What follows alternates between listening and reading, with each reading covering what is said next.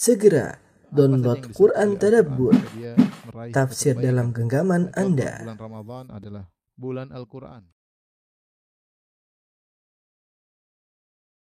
Bismillahirrahmanirrahim. Assalamualaikum warahmatullahi wabarakatuh. Alhamdulillahi ala ihsanih wa syukru lahu ala taufiqihi wa amtinanih wa asyhadu an la ilaha illallah wahdahu la syarika lahu ta'ziman li sya'ni wa asyhadu anna Muhammadan abduhu wa rasuluhu da'i ila ridwani Allahumma salli alaihi wa ala alihi wa ashabihi wa ikhwani. Uh, rekan-rekan dokter yang dirahmati Allah Subhanahu wa taala, kajian uh, ukhuwah pediatrik ya. Pada kesempatan kali ini uh, kita melanjutkan pembahasan kita dari uh, kitab Al-Arba'in An-Nawawiyah yaitu 70 uh, 42 hadis yang dikumpulkan oleh Imam Nawawi rahimahullahu taala yang alaiha madarul Islam yang Islam secara global kembali kepada 42 hadis ini yang setiap hadis dikenal dengan jawami'ul kalim yaitu uh, kata-kata yang singkat namun mengandung makna yang dalam.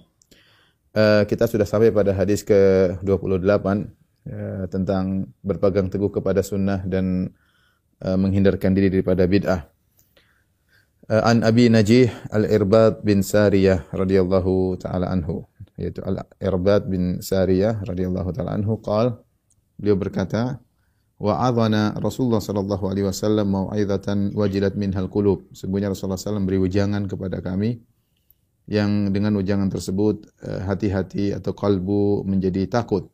Wa dharafat minhal uyun kemudian air mata mengalir ya. Fakulna ya Rasulullah kami berkata wahai Rasulullah ka'annaha mau'izatu muwaddi'in fa'ausina. Seakan-akan ini adalah wejangan orang yang akan berpisah maka berilah wasiat kepada kami. Maka Rasulullah SAW berkata usikum bitaqallah azza wa jalla was sam'i wa ta'ah. Aku wasiat kepada kalian untuk bertakwa kepada Allah. Was sam'i wa ta'ah untuk mendengar dan taat. Wa in ta'ammaru alaikum abdun meskipun yang jadi pemimpin kalian adalah seorang hamba. Fa innahu may ya'ish minkum barang siapa yang hidup di antara kalian setelahku fasayara ikhtilafan katsira dia akan melihat banyak perselisihan. Fa alaikum bisunnati maka solusinya adalah berpeganglah teguh dengan sunnahku wa sunnatil khulafa'ir rasyidin al mahdiyina dan berpegang teguhlah kepada sunnah para khulafa'ir rasyidin yang mendapat petunjuk. Addu 'alaiha bin nawajid hendaknya kalian menggigit sunnah-sunnah tersebut dengan geraham kalian. Wa iyyakum wa muhdatsatil umur. Waspadalah kalian dari perkara-perkara yang baru. Fa inna kulla muhdatsatin bid'ah karena setiap perkara yang baru adalah bid'ah. Wa kulla bid'atin dhalalah dan setiap bid'ah adalah sesat. Hadis riwayat Abu Dawud dan Tirmidzi wa qala haditsun hasanun sahih. Hadis yang hasan dan sahih. Hadis ini uh, adalah penyempurna dari hadis nomor 5 yang pernah kita sampaikan dahulu dari Aisyah radhiyallahu taala anha yang di mana Rasulullah SAW pernah bersabda man ahdatha fi amrina hadza ma laysa minhu fa huwa rad siapa yang mengadakan perkara-perkara baru dalam agama yang bukan merupakan perintah kami maka tertolak man amila amalan laysa alaihi amruna fa huwa rad siapa yang melakukan suatu amalan yang tidak ada perintah dari kami maka tertolak Hadis ini juga berkaitan dengan masalah e, bid'ah dan kewajiban untuk berpegang teguh kepada sunnah Nabi sallallahu alaihi wasallam. Diriwayatkan oleh Al-Irbad bin Sariyah radhiyallahu anhu.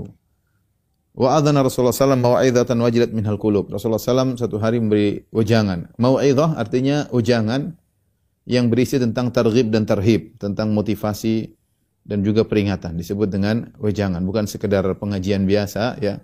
Uh, tetapi isinya adalah wejangan. Situ ada uh, targhib, motivasi dan ada uh, memberi rasa takut ya. Yang biasanya Rasulullah sallallahu uh, sampaikan uh, ba'da subuh. Dan dalam sebagian riwayat kata Ibnu Rajab Al-Hambali nasihat ini ba'da subuh. Setelah salat subuh ba'da salatis subhi. Setelah salat subuh Rasulullah SAW biasa habis salat balik kepada para sahabat. Kemudian Rasulullah SAW memberi wejangan ya memberi wejangan ya. Oleh karenanya uh, disunahkan bagi seorang untuk memberi wejangan kepada kaum muslimin ya. Tentunya bukan berarti uh, tiap saat tetapi sesekali sebagaimana Rasulullah SAW kata Ibnu Mas'ud ya takhawwaluna bil mau'izah makhafata sa'amah. Bahwasanya Rasulullah SAW uh, ketika menyampaikan nasihat juga menjarang-jarangkan tidak selalu ya. Adapun dars nasihat-nasihat tapi wejangan yang isinya adalah takhwif wa targhib, beri peringatan dan memotivasi ini tidak selalu Rasulullah sampaikan. Rasulullah memilih-milih waktu sehingga bisa masuk ke dalam hati para sahabat makhafata sa'amah kalau terus-terusan khawatir ada kebosanan. Ya, manusia memiliki sifat uh, bosan. Makanya Rasulullah SAW pun untuk mau'idhah dia pun menjarang-jarangkan waktunya. Sebagaimana Ibnu Mas'ud ketika menyampaikan mau'idhah maka sahabat-sahabatnya atau teman-temannya berkata, "Wahai Ibnu Mas'ud, kami ingin kau menyampaikan terus." Ibnu Mas'ud saya juga ingin menyampaikan ya, tetapi uh, dahulu Rasulullah SAW seperti itu yatakhawwaluna bil mau'izah makhafata sa'amah. Rasulullah SAW pun tidak selalu tidak selalu ya dia beliau memilih-milih waktu menjarang-jarangkan agar uh, tidak bosan ya. Dan uh, Allah Subhanahu wa taala telah merintahkan Nabi untuk memberi mau'izah seperti dalam firman Allah Subhanahu wa taala wa idhum wa kullahum fi anfusihim qawlan baligha. Nasihatilah mereka, berilah mau'izah kepada mereka Wa kullahum fi anfusihim qaulan baligha dan berkatalah kepada mereka qaulan balighan itu perkataan yang meresap dalam hati-hati mereka. Allah juga berfirman, "Ud'u ila sabili rabbika bil bil eh, hikmati wal mau'izatil hasanah." Serulah kepada jalan Rabbmu ya, bil hikmah dengan hikmah wal mau'izatil hasanah dengan ujangan yang uh, yang baik.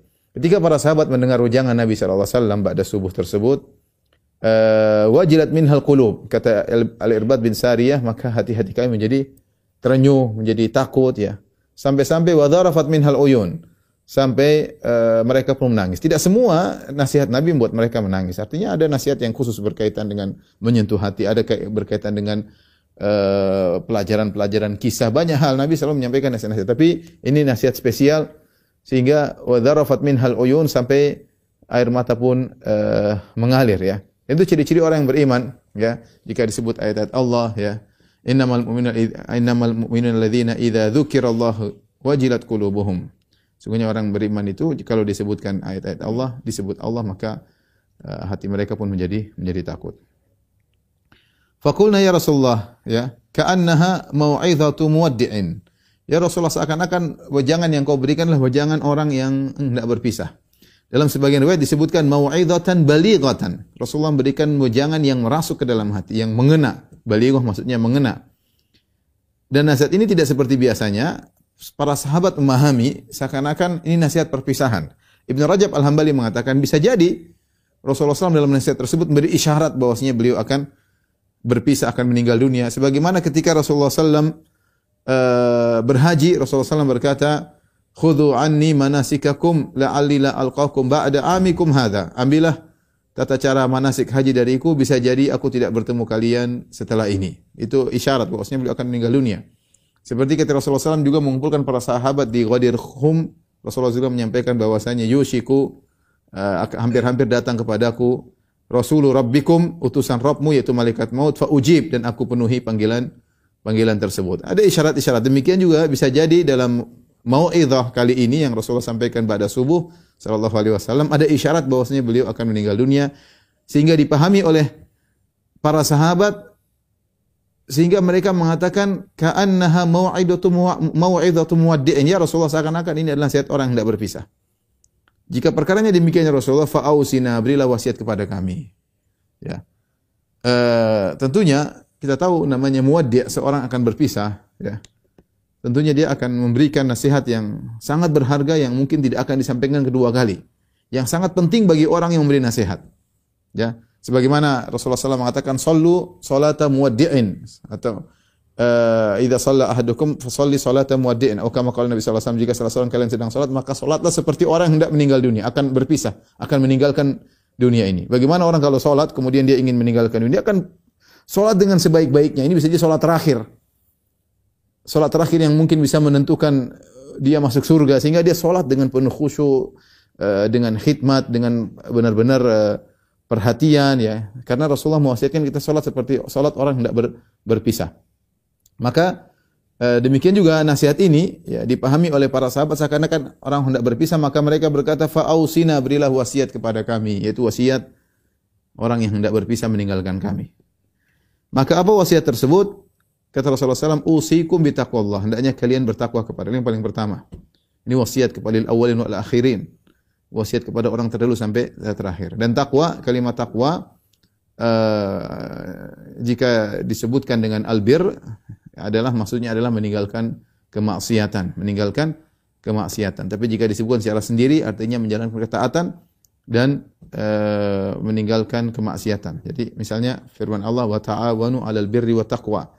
Saling tolong menolong kalian dalam albir at-taqwa. Sebagaimana kita bahas pada pertemuan lalu, albir melakukan kebajikan, takwa artinya adalah eh, meninggalkan kemaksiatan. Karena takwa secara bahasa artinya tameng.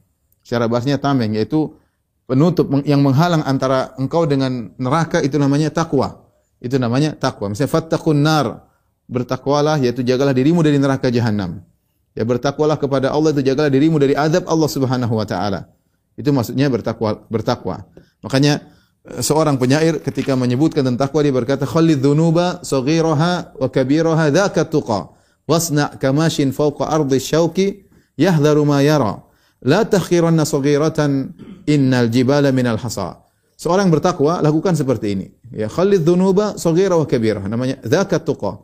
Namanya takwa itu meninggalkan dosa-dosa uh, yang besar maupun yang kecil semua ditinggalkan. Itu namanya ketakwaan. Bukan ketakwaan orang yang dosa-dosa besar saja ditinggalkan, yang kecil dia lewati. Dia jalankan ya. Yang besar-besar enggak. Takwa meninggalkan khalid dzunuba saghira wa kabiraha, tinggalkan dosa-dosa yang kecil maupun besar. Zakat tuqa itulah takwa yang sungguhnya. Fasna kama kamashin fawqa ardi syauqi yahdharu ma yara. Jadilah engkau seperti seorang berjalan di atas jalan yang penuh duri, dia waspada Duri kecil, duri besar, dia waspada seluruhnya. Dalam kehidupan semua kita ini ada dosa. Kita tahu dosa jangan lewat situ. Kita belok kiri, belok kanan, hati-hati waspada. Selalu waspada. Ya. Eh, kemudian jangan meremehkan dosa kecil. La tahqiranna saghiratan. Jangan meremehkan sekali-sekali meremehkan dosa kecil.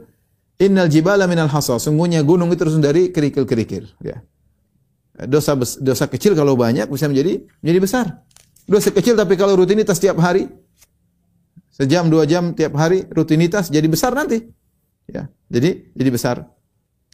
Oleh seorang yang bertakwa berusaha meninggalkan dosa kecil maupun dosa dosa besar. Minta kepada Allah agar diberikan takwa. Allahumma inni as'aluka al-huda wa tuqa wal afafa wal ghina. Ya Allah, aku mohon kepada Engkau petunjuk dan takwa. Berat orang bertakwa, tapi apalagi di zaman sekarang ini ya. Bertakwa ya. Makanya Allah mengatakan walibasut taqwa dzalika khair. Pakaian ketakwaan itu baik bagi kalian. Lebih baik ya. Eh, khudhu zinatakum inda kulli masjidin ya uh, ya bani adam ya uh, qad anzalna alaikum libasa yuwari sawatikum wa risha wa libasut taqwa dzalika khair. Wahai anak adam kata Allah Subhanahu wa taala kami telah turunkan pakaian bagi kalian ya yang menutupi tubuh kalian dan sebagai dan juga yang lebih daripada itu. Kemudian kata Allah walibasut taqwa pakaian ketakwaan lebih lebih baik ya. Kalau pakaian di dunia menutup aib kita di dunia Pakaian ketakwaan menutup aib kita di akhirat. Dan namanya pakaian yaitu suatu yang melengket pada tubuh. Seakan-akan Allah mengatakan jadilah takwa itu seperti pakaian yang selalu menempel pada diri kalian. Takwa tatkala bersendirian, takwa tatkala eh, tidak ada orang yang melihat, takwa berkaitan dengan pendengaran, takwa berkaitan dengan penglihatan harus diliputi dengan ketakwaan. Dan Tadi dikatakan orang bertakwa itu seperti orang yang berjalan hati-hati di atas jalan yang penuh dengan duri. Kalau dia tidak hati-hati, dia sudah injak duri ini, injak duri ini, akhirnya dia cuek.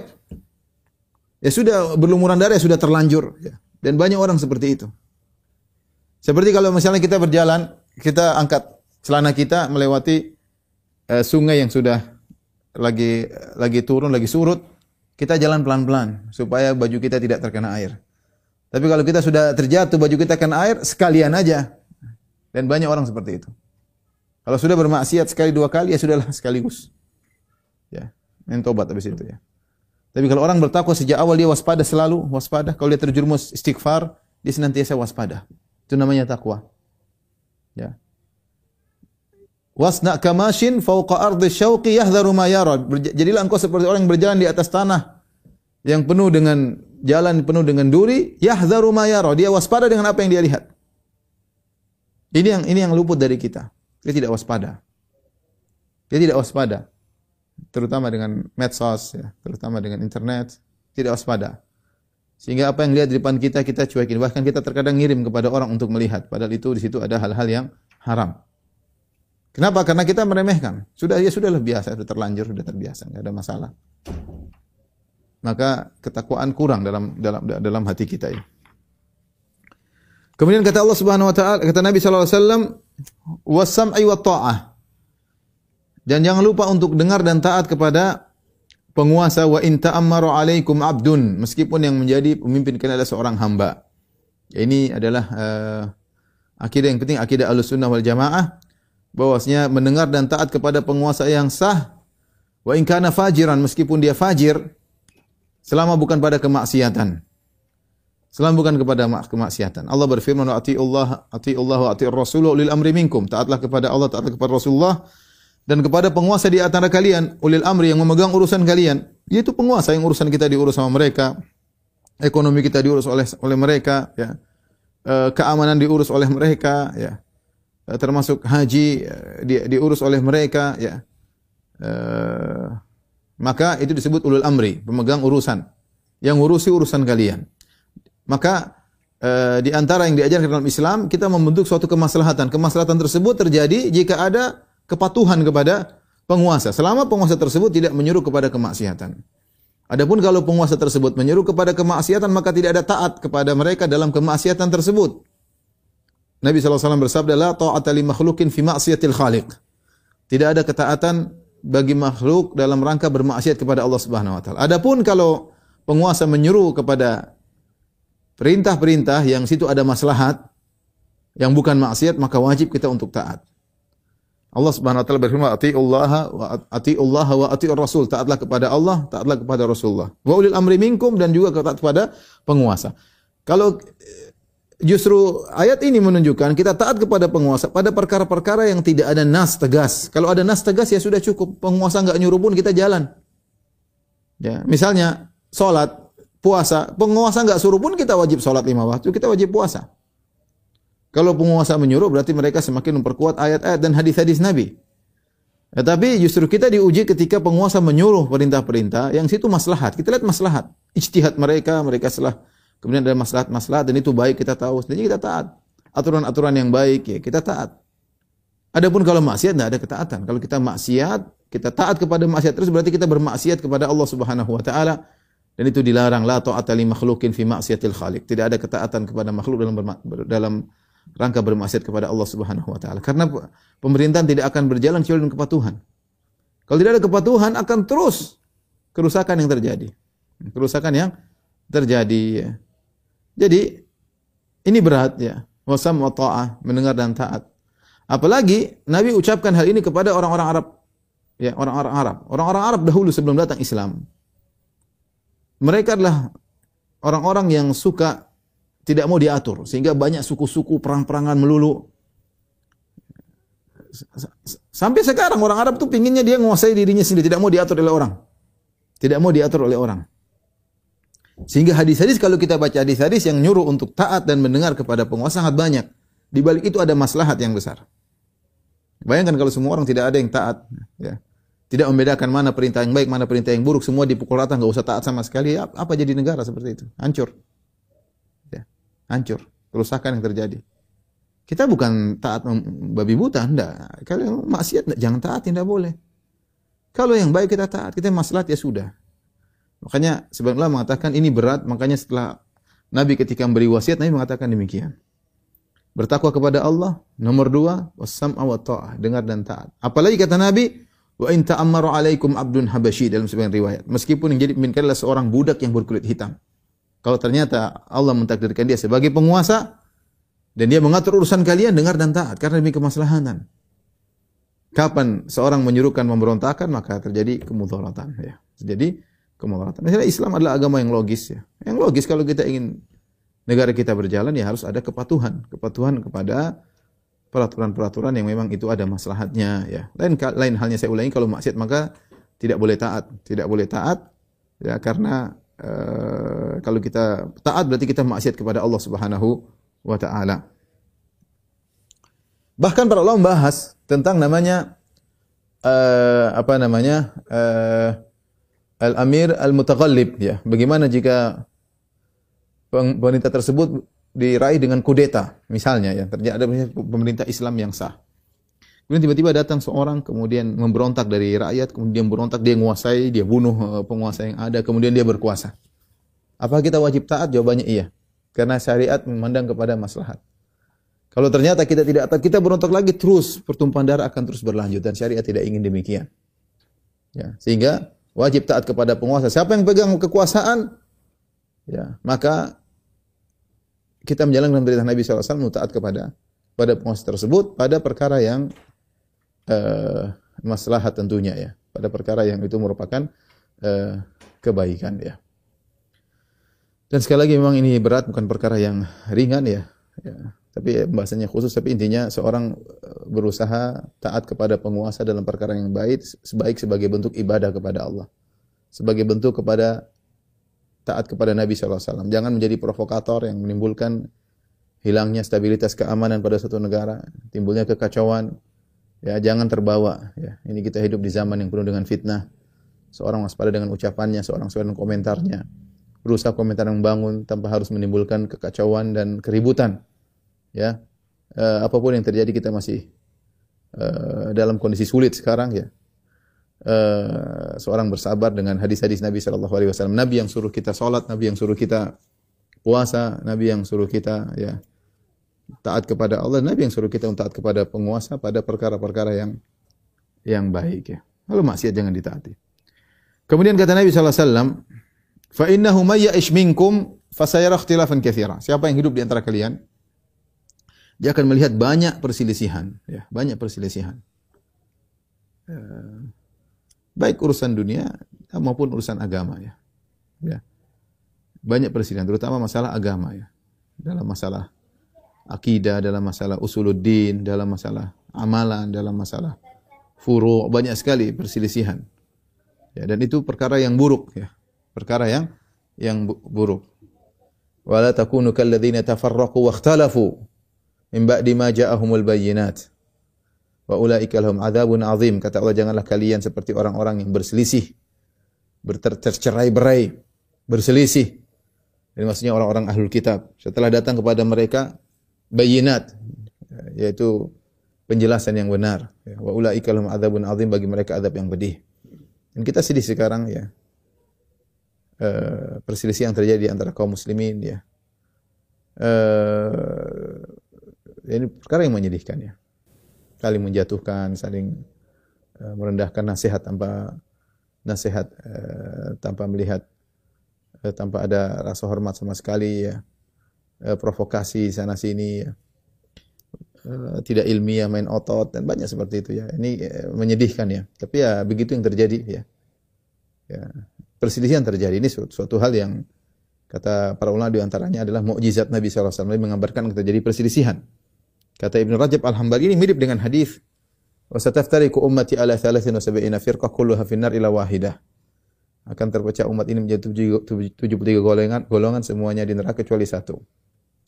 Yaitu man man kana ala mithli ma ana alaihi wa ashabi al-yaum, yaitu orang berjalan di atas jalanku dan jalan para sahabatku itulah yang selamat. Itulah yang selamat. Mirip dengan hadis ini, Rasulullah SAW mengatakan kalian akan melihat banyak perselisihan. Apa solusinya? Fa'alaikum bisunnati, maka adanya kalian berpegang teguh dengan sunnahku. Wa sunnatil khulafa'ir rasyidin dan sunnah para khulafa ar-rasyidin al-mahdiyina. Para rasyidin mendapatkan petunjuk ya. Taib, siapa khulafa ar-rasyidun?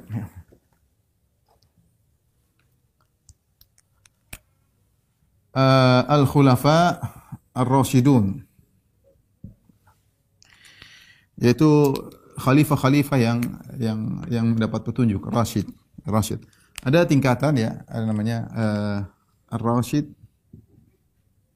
uh, kemudian al-ghawi disebut oleh Ibn Rajab Al-Hambali kemudian ad-dal. Rasyid itu yang lurus. Al-ghawi yaitu yang sesat sesat set, setelah sesat dengan meninggalkan kebenaran yang dia ketahui. Itu bedanya al-ghawi dengan dhal. Kalau al-ghawi itu sesat dengan meninggalkan kebenaran yang dia tahu. kebenaran yang telah dia ketahui. Diketahui. Kalau dal yaitu sesat karena tidak tahu. Nah, seor, uh, seorang yang rasyid, yang lurus, dia pasti uh, dapat petunjuk. Yaitu dia pasti al-mahdi. Ya. Yaitu atau al-muhtadi, dapat petunjuk. Dapat petunjuk. Makanya dia lurus. Nah, Nabi di sini mensifati al-khulafa ar-rasyidin ya. Ar-rasyidin al-mahdiyyin min ba'di yaitu khulafa yang rasyid yang baik, yang rasyid para khulafa, para khalifah. Yang rasyid yaitu yang yang lurus. Yang dapat petunjuk, yang dapat petunjuk. Dan sifat al-mahdiyin adalah sifat yang lazim, namanya lurus pasti dapat petunjuk. Oleh karenanya disebut al-mahdi namanya sifatun lazimah sifat eh, lazimah ya. Eh, bahwasanya orang dapat lurus pasti dapat petunjuk. Nah, siapakah mereka ini? Siapakah mereka? Uh, para ulama sepakat mereka adalah empat khalifah. Empat khalifah yaitu Abu Bakar, kemudian Umar, kemudian Utsman, kemudian Ali, ya. kemudian ditutup dengan sedikit dari Al Hasan. Karena Rasulullah SAW uh, eh, bersabda, khilafatun nubuwah thalathuna sana. Kata Nabi SAW, khilafatun nubuwah thalathuna sana. Thumma yu'tillahu al-mulka liman yasha'.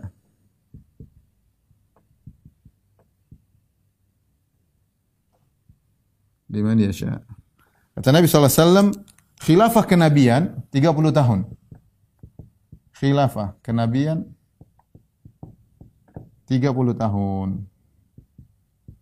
Setelah itu adalah kerajaan, setelah itu semua takunu mulkan dalam sebuah riwayat. Setelah itu kerajaan yang Allah berikan berikan kepada yang Allah kehendaki.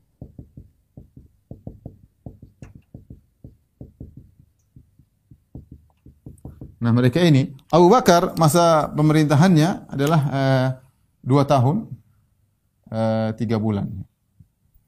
Umar dua puluh tahun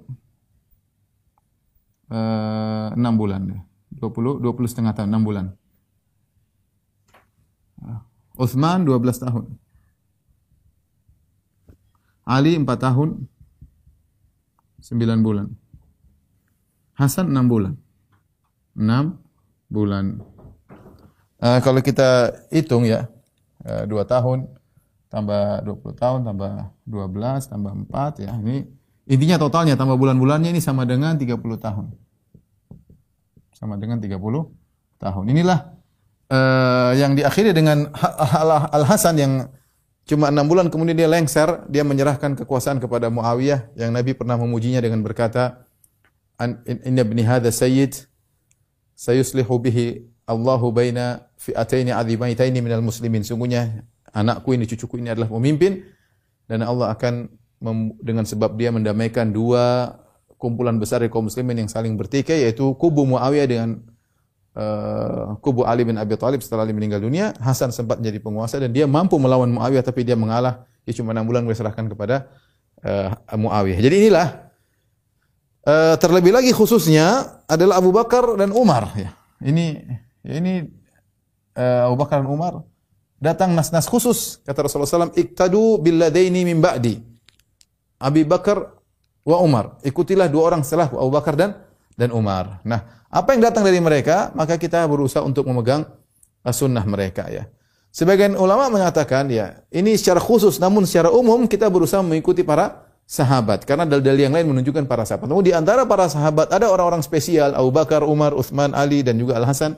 Mereka adalah orang spesial karena mereka dipuji oleh Nabi dengan khilafatun nubuwah. Khilafah kenabian artinya mereka menjalankan kekhilafahan sesuai dengan petunjuk Nabi sallallahu alaihi wasallam. Setelah itu kerajaan. Setelah itu kerajaan sehingga mereka memiliki uh, keistimewaan. Ya. Eh, kata Nabi SAW, uh, Alaikum bisunnati wa sunnati khulafar rasyidin. Sunnahku dan sunnah para sahabatku. Addu alaiha bin nawajid. Gigitlah dengan geraham uh, geraham kalian ya. Kemudian hati-hatilah dengan perkara-perkara yang baru wa iyyakum muhdatsatil umur. Jadi Rasulullah kabarkan ya kalau kita bilang ada ada problem. Problemnya apa? Problemnya adalah perselisihan. Perselisihan. Lantas apa solusinya? Solusi. Maka dua solusinya yang ditawarkan oleh Nabi SAW. Dua. Yang pertama berpegang teguh dengan sunnah Nabi dan sunnah sahabat dan sunnah khulafar rasyidin dan sunnah uh, sahabat. Solusi yang kedua menghindari bid'ah. Menjauhi bid'ah jangan eh, hati-hati. Uh, Rasulullah wa iyyakum wa muhdatsatil umur. Jadi Nabi mengabarkan bid'ah akan muncul. Ya, karena Nabi mengabarkan Nabi mengabar sallallahu alaihi wasallam mengabarkan bahwa bid'ah akan muncul akan muncul. Maka caranya bagaimana agar kita selamat? Hindari bid'ah-bid'ah tersebut hindari bid'ah-bid'ah tersebut dan bid'ah sangat banyak ya. Model-model bid'ah sangat banyak dalam masalah akidah, dalam masalah amalan uh, yang yang bukan berdasarkan dari uh, agama. Hindari. Inilah solusi kalau Anda ingin selamat dari perselisihan, berpegang teguh dengan sunnah Nabi SAW, meninggalkan, menjauhi uh, bid'ah. Bid'ah-bid'ah tersebut, ya, di antaranya misalnya dalam usuluddin, dalam akidah. Kemudian misalnya dalam uh, amalan, ya, amal ibadah. Ya, ini di antara uh, bid'ah-bid'ah yang uh, dan masih banyak, tapi di antara yang paling nampak adalah dalam akidah dan amal amal ibadah. Yang tidak pernah diajarkan oleh Nabi SAW dan para sahabatnya. Seperti Ibn Rajab Al-Hambali menyebutkan dalam syarah Arba'in Nawawi, dia menyebutkan contohnya uh, menolak sifat-sifat Allah karena dianggap berlawanan dengan akal, misalnya. Contoh, ya. E, contohnya misalnya dalam akidah mendahulukan ini sama, mendahulukan akal daripada dalil. Beliau juga menyebutkan di antaranya e, mengambil dalil dengan mimpi, mengambil dalil dengan perasaan. Perasaan ini muncul orang-orang sufi ya dengan perasaan, dengan azwaq, menurut dia baik atau tidak dengan perasaan. Misal dengan al-kashf dengan apa namanya? Kashf katanya ya. Kasyaf, ada Allah bukakan tirai sehingga langsung dia tahu tentang uh, kebenaran, apalagi misalnya dengan mimpi ya. Banyak hal. Kalau bicara tentang bid'ah tidak ada hujungnya, sangat banyak ya. Sangat banyak ya. Amal ibadah, ya misalnya ibadah-ibadah yang tidak ada contohnya ya. Ibadah-ibadah tanpa contoh. Banyak sekali ya. Bahkan di antara mereka ya uh, melakukan ritual-ritual yang tidak ada contohnya. Ini contoh. Nah, kita berusaha kalau ingin selamat, jalan keluar adalah berpegang teguh dengan sunnah Nabi, sunnah para sahabat, seluruh bid'ah kita tinggalkan. Ada contohnya enggak? Kalau enggak ada contoh dari Nabi, ada contoh dari para sahabat enggak? Ada contoh dari para sahabat enggak ada? Mohon maaf, saya tidak mau ya. Kenapa saya ingin selamat? Berpegang teguh dengan sunnah Nabi sallallahu alaihi wasallam. Taib uh, ikhwan dan akhwat yang rahmatillah subhanahu wa taala. Uh, tolong dihapus ya. Uh, hadis ini seperti sudah saya sampaikan tadi ya. Uh, berkaitan dengan uh, berkaitan dengan uh, sama dengan hadis yang terkenal dengan hadis iftiraqul ummah dan juga di hadis yang melarang tentang uh, masalah bid'ah ya. Karena bid'ah inilah yang kemudian menjadikan umat terpecah belah. Seandainya umat tidak melakukan bid'ah, tidak akan terpecah belah. Tetapi ketika umat melakukan bid'ah, yang satu punya bid'ah ini, yang satu punya bid'ah ini, muncullah firqah-firqah yang sudah ditulis oleh para ulama dalam buku-buku firqah. Mulai dari munculnya firqah Jahmiyah. Kemudian di- diikuti dengan firqah Mu'tazilah. Ya, ada juga firqah Qadariyah. Kemudian diikuti dengan eh, firqah eh, sebelum menjadi Khawarij, kemudian Syiah, kemudian lagi Murji'ah. Banyak sekali firqah-firqah ya.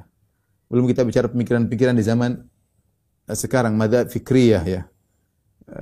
Pemikiran-pemikiran yang muncul belakangan yang semua tidak ada di zaman Nabi sallallahu alaihi wasallam. Sebenarnya firqah-firqah inilah yang membuat kaum muslimin tercerai-berai. Ya, tercerai-berai. Makanya ketika dalam satu hadis eh, sahabat Rasulullah menjelaskan akan muncul banyak firqah-firqah, apa yang dia lakukan kata Nabi sallallahu alaihi wasallam, "I'tazil tilkal firqa kullaha."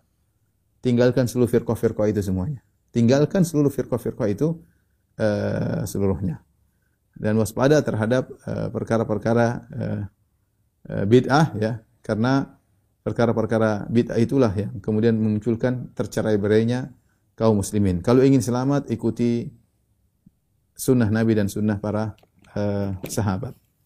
Taib. Ikhwan akhwat yang Allah Subhanahu wa taala, uh, kita akan jelaskan secara sederhana tentang uh, makna bid'ah ya.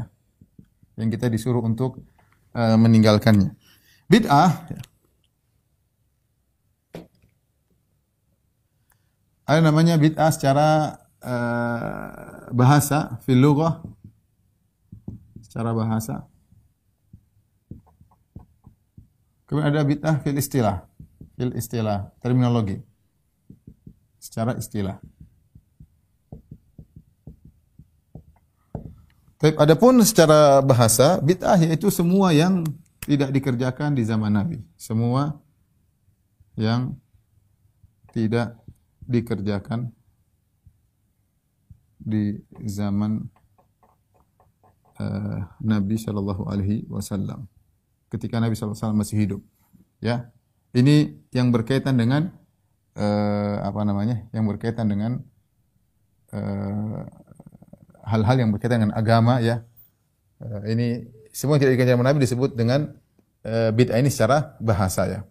Adapun istilah yaitu uh, bid'ah yaitu perkara atau ibadah atau ritual atau ibadah atau keyakinan baru, akidah ya, baru yang tidak dikerjakan oleh Nabi sallallahu alaihi wasallam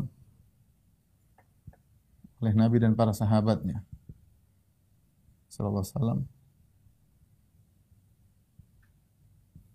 Para eh, sahabatnya radhiyallahu taala eh, anhum ya dan tidak ada asalnya dalam syariat.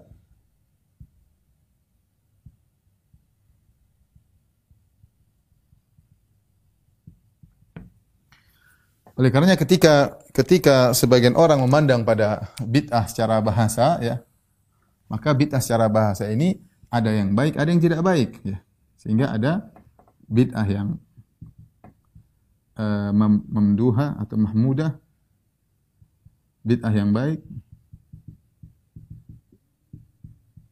ada bid'ah mazmumah dan ini kita dapati uh, dalam riwayat Imam Syafi'i dia bagi bid'ah mazmumah bid'ah yang tidak baik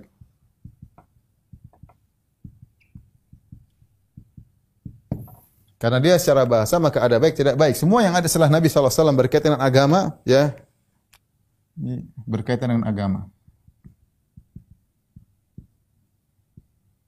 Ya. Maka ada yang baik dan yang tidak baik. Ini eh, pembagian bid'ah menjadi dua. Bid'ah menjadi dua.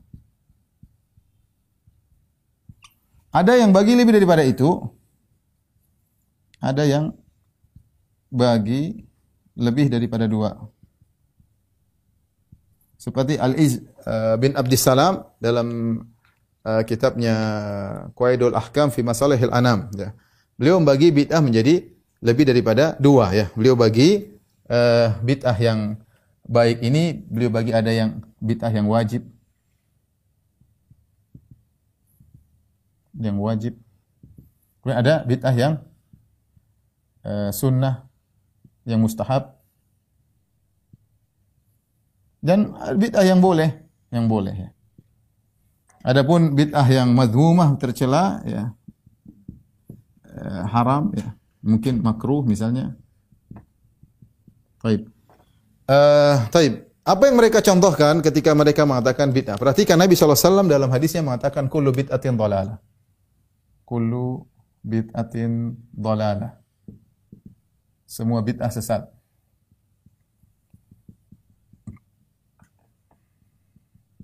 Semua bid'ah sesat, tidak ada yang tidak ada yang uh, yang baik. Namun sebagian ulama ternyata membagi ada bid'ah yang baik, ada yang tidak baik. Kenapa mereka terpaksa membagi ini? Karena mereka mengatakan bid'ah secara bahasa, ya. Semua agama yang perkara baru di zaman Nabi tidak ada, kemudian dikerjakan di setelah Rasulullah SAW meninggal, maka mereka bingung ternyata ada mereka ternyata ada yang baik tidak baik ya. Sehingga terpaksa dibagi menjadi bid'ah yang baik dan bid'ah tidak baik. Tapi kita lihat contohnya apa sih?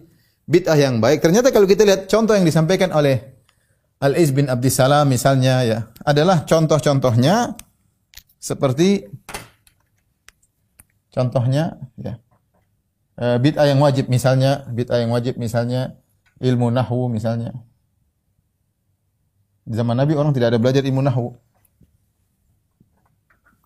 Ilmu nahwu misalnya. Kemudian e, ilmu jarah wa ta'dil. Jarah wa ta'dil. Tentang rawi-rawi dhaif atau siqah ini ilmu di zaman Nabi enggak perlu karena hadis langsung sahabat dari dengar dari Nabi. Tapi setelah belakangan harus ada ilmu jarah wa ta'dil misalnya ilmu usul fikih misalnya. Ya.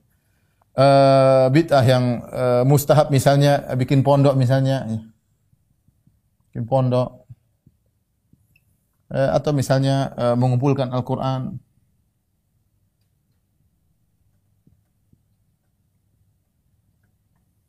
Dan mereka sebutkan contoh seperti ini ya. Mereka tidak menyebutkan suatu ritual-ritual ibadah, tapi yang mereka contohkan adalah seperti ini. Ya, adapun yang haram mereka sebutkan seperti eh, yang haram seperti akidah Jahmiyah, akidah akidah-akidah yang haram ya. Akidah yang menyimpang.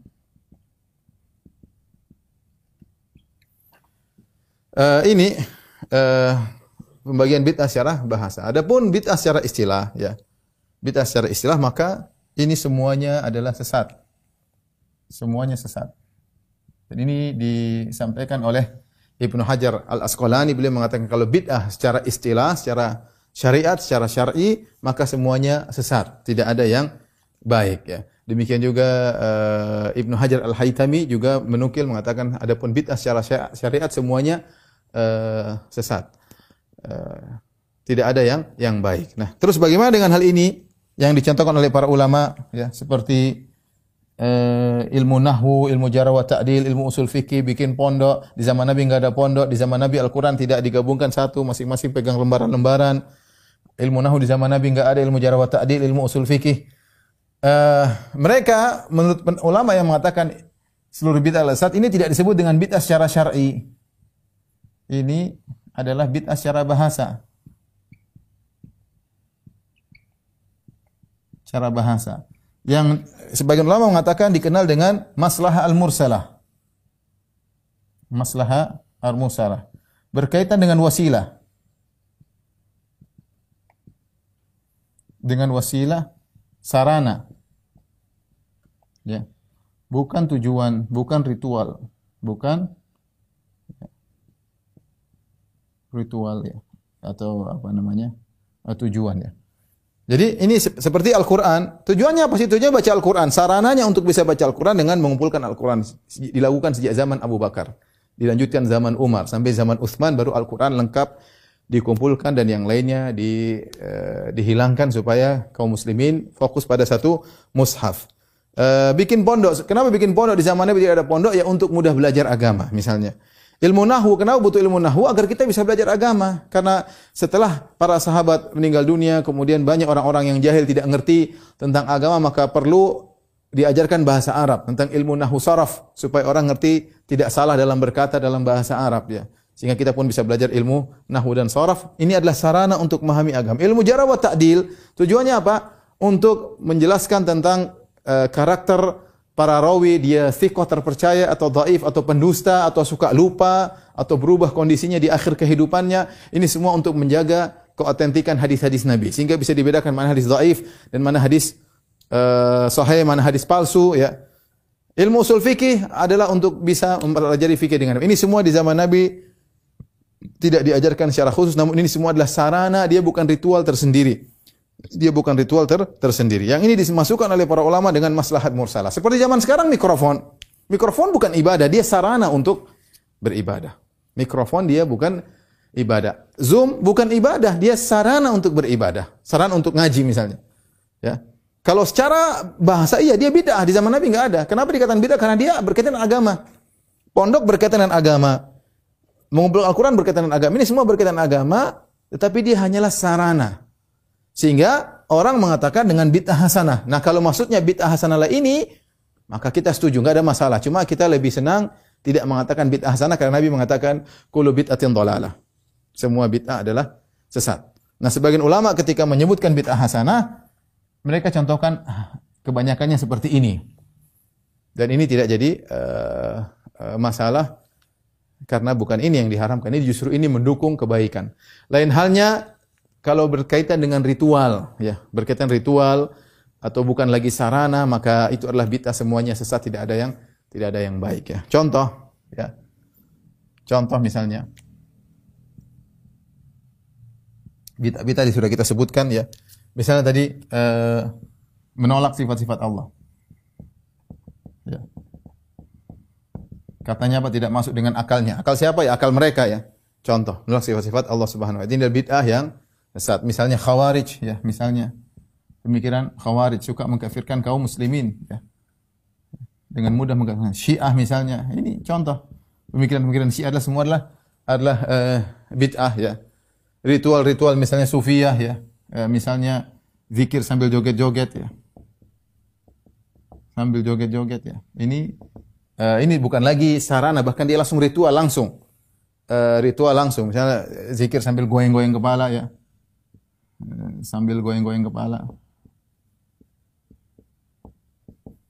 Kemudian ada yang namanya dengan majelis sama, majelis sama ini juga diingat oleh para ulama di zaman Nabi tidak ada majelis sama itu mendengar qasidah-qasidah, bahkan terkadang disertai dengan musik-musik seperti orang Nasara beribadah dengan alat musik.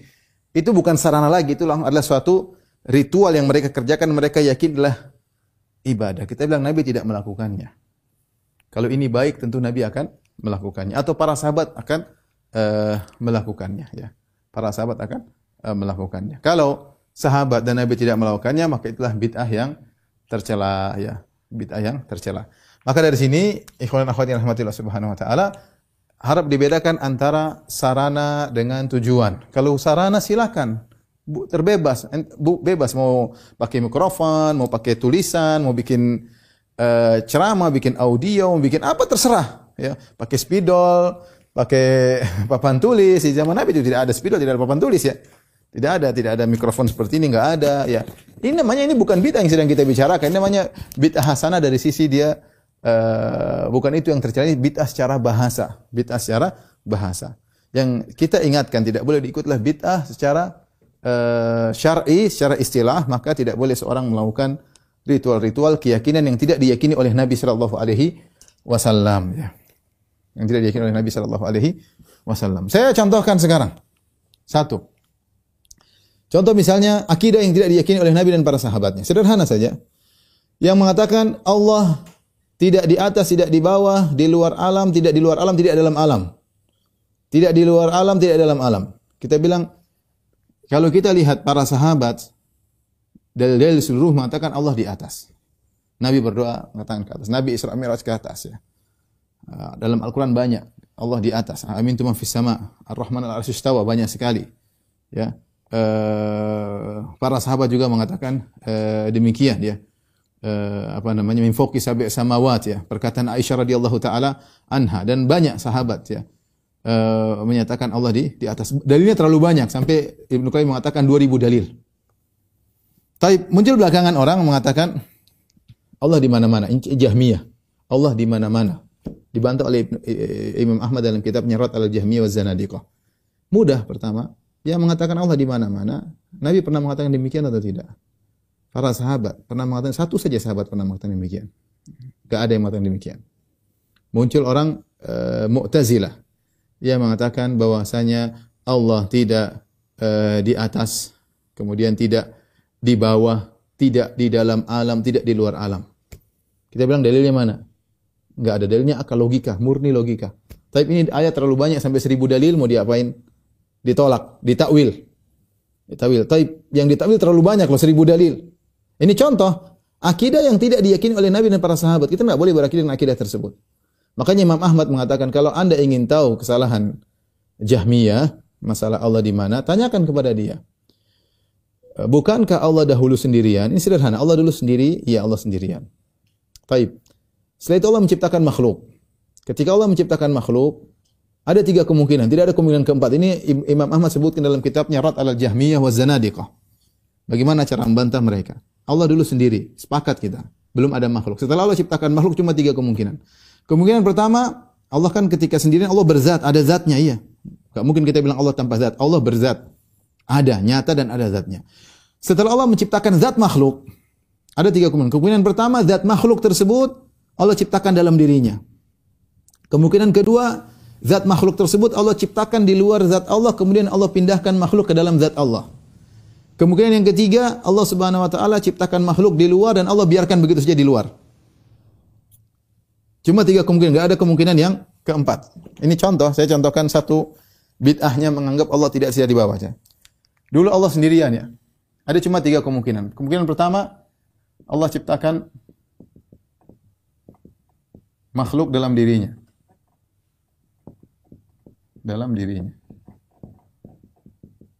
Yang kedua, Allah ciptakan tiga kemungkinan. Ya, Allah ciptakan makhluk di luar di luar zatnya, di luar zat Allah.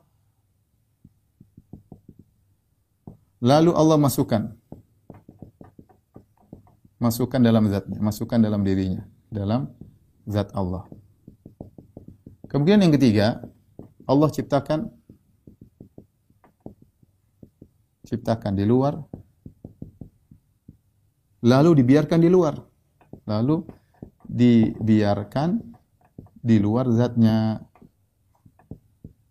Di luar zatnya. Baik. Cuma tiga kemungkinan ini. Kemungkinan pertama nggak mungkin. Salah. Kalau Allah ciptakan makhluk dalam dirinya berarti makhluk dalam diri Allah dan ini kesyirikan. Bagaimana menganggap makhluk sama dengan Allah Subhanahu wa taala? Kemudian yang kedua Allah ciptakan makhluk di luar zat Allah. Allah ciptakan luar, Allah masukkan dalam diri. Ini juga tidak mungkin karena kembalinya kepada yang pertama. Allah bersatu dengan makhluknya sementara makhluk penuh kekurangan, makhluk uh, be, apa namanya kotoran dan macam-macam. Bagaimana Allah kemudian masukkan makhluk dalam dirinya? Tinggal kemungkinan ketiga ini yang benar bahwasanya Allah Subhanahu wa taala ciptakan makhluk alam semesta, makhluk alam semesta di luar Allah dan Allah biarkan di luar. Nah, konsekuensi dari Allah di luar alam itu Allah di atas. Makanya kenapa kita ke arah ke atas? Karena Allah di luar alam. Penghujung alam ke mana? Di atas. Kita sekarang di tengah alam. Semakin mau keluar dari alam, ke arah atas. Maka Allah di atas. Nah, kita tanya sama mereka yang mengatakan Allah tidak di atas, tidak di bawah. Tapi kita sama mereka gampang. Allah ada zatnya enggak? Ada zatnya. Makhluk punya zat atau tidak? Punya zat. Sama-sama punya zat. Tanyakan, zat Allah itu di luar alam atau dalam alam? Anehnya mereka menjawab tidak di dalam alam, tidak di luar alam. Itu namanya Allah tidak ada. Cuma dua kemungkinan. Allah sekarang kita tanya, Allah di luar alam atau dalam alam? Atau Allah zatnya bersatu dengan alam? Tiga kemungkinan saja. Allah di luar alam atau Allah zatnya bersama dengan zat alam, ya, atau Allah ya di dalam alam. Kita ahlu sunnah mengatakan Allah di luar alam. Allah di atas arsh. Arsh makhluk tertinggi. Dan itu penghujung alam. Allah di luar alam. Selesai. Berarti di mana? Di atas. Nah mereka bingung. Karena mereka bilang kita nggak boleh bilang Allah di arah. Loh, dalil terlalu banyak. Nabi sampai nunjuk ya Allah begini. Nabi sampai kalian akan melihat Allah seperti melihat ke rembulan ke rembulan ya. Disuruh lihat ke atas. Kalian akan melihat Allah pada hari kiamat di akhirat kelak. Ini semua hadis yang begitu banyak kan terus mau diapain? Logika mereka nggak masuk kata mereka kalau Allah diarah berarti Allah begini berarti begini begini. Yang ngomong begitu siapa? Logika dia sendiri. Dan logika itu mengantarkan mereka berkata sesuatu yang tidak masuk akal. Mereka mengatakan Allah tidak di dalam alam, tidak di luar alam. Nah, kita bilang Allah berzat atau tidak? Kecuali kalau kamu bilang Allah tidak punya zat, ya terserah. Allah tidak ada berarti. Makanya ada seorang penguasa yang pernah berdebat dengan salah seorang Ash'ari, maka dia berkata, ya, eh, apa namanya? Adamu mereka mengatakan Allah tidak ada. Kalau Allah tidak di luar alam, tidak dalam alam berarti Allah tidak ada. Zat Allah tidak di luar alam, zat Allah tidak di dalam alam berarti Allah tidak ada. Tidak ada. Ya terus mau bela-belain sampai ada yang mengatakan, coba bedakan antara Tuhanmu yang kau bilang tidak di luar alam, tidak dalam alam dengan sesuatu yang tidak ada. Apa bedanya? Ya, secara logika tidak ada kemungkinan, cuma kemungkinan di luar alam, dalam alam. Kecuali kamu bilang Allah tidak ber, berzat. Ini contoh sederhana maksud saya. Akidah yang uh, diperjuangkan oleh sebagian orang yang menurut dia kalau bilang Allah di atas tidak masuk akal, justru mengantarkan kepada ketidakmasukakalan dan kemustahilan. Bagaimana kamu menggabungkan dua hal yang kontradiksi? Tidak di luar alam, tidak dalam alam. Tidak mungkin. Karena cuma kemungkinan dalam alam atau luar alam. Ketika kamu gabungkan dua-duanya, timur dan barat sekaligus, ini tidak masuk akal. Ada dan tidak ada, ini namanya menggabungkan dua kontradiksi, ini perkara yang mustahil. Kecuali kamu mengatakan Allah tidak berzat. Padahal kita sudah sepakat dulu Allah punya zat dan dia sendirian, kemudian ciptakan alam. Ciptakan alam di mana? Di luar zat atau dalam zat? Selesai. Tapi ini contoh sederhana ikhwan dan akhwat untuk pembahasan masih panjang waktu sudah selesai. Wallahu alam bisawab demikian saja uh, kata Nabi alaikum bisunnati wa sunnatil khulafair rasyidin berpegang teguh dengan sunnahku dan sunnah para sahabatku, abdu alaiha bin nawajid. Gigitlah dengan geraham kalian. Wabillahi taufiq wal hidayah. Assalamualaikum warahmatullahi wabarakatuh.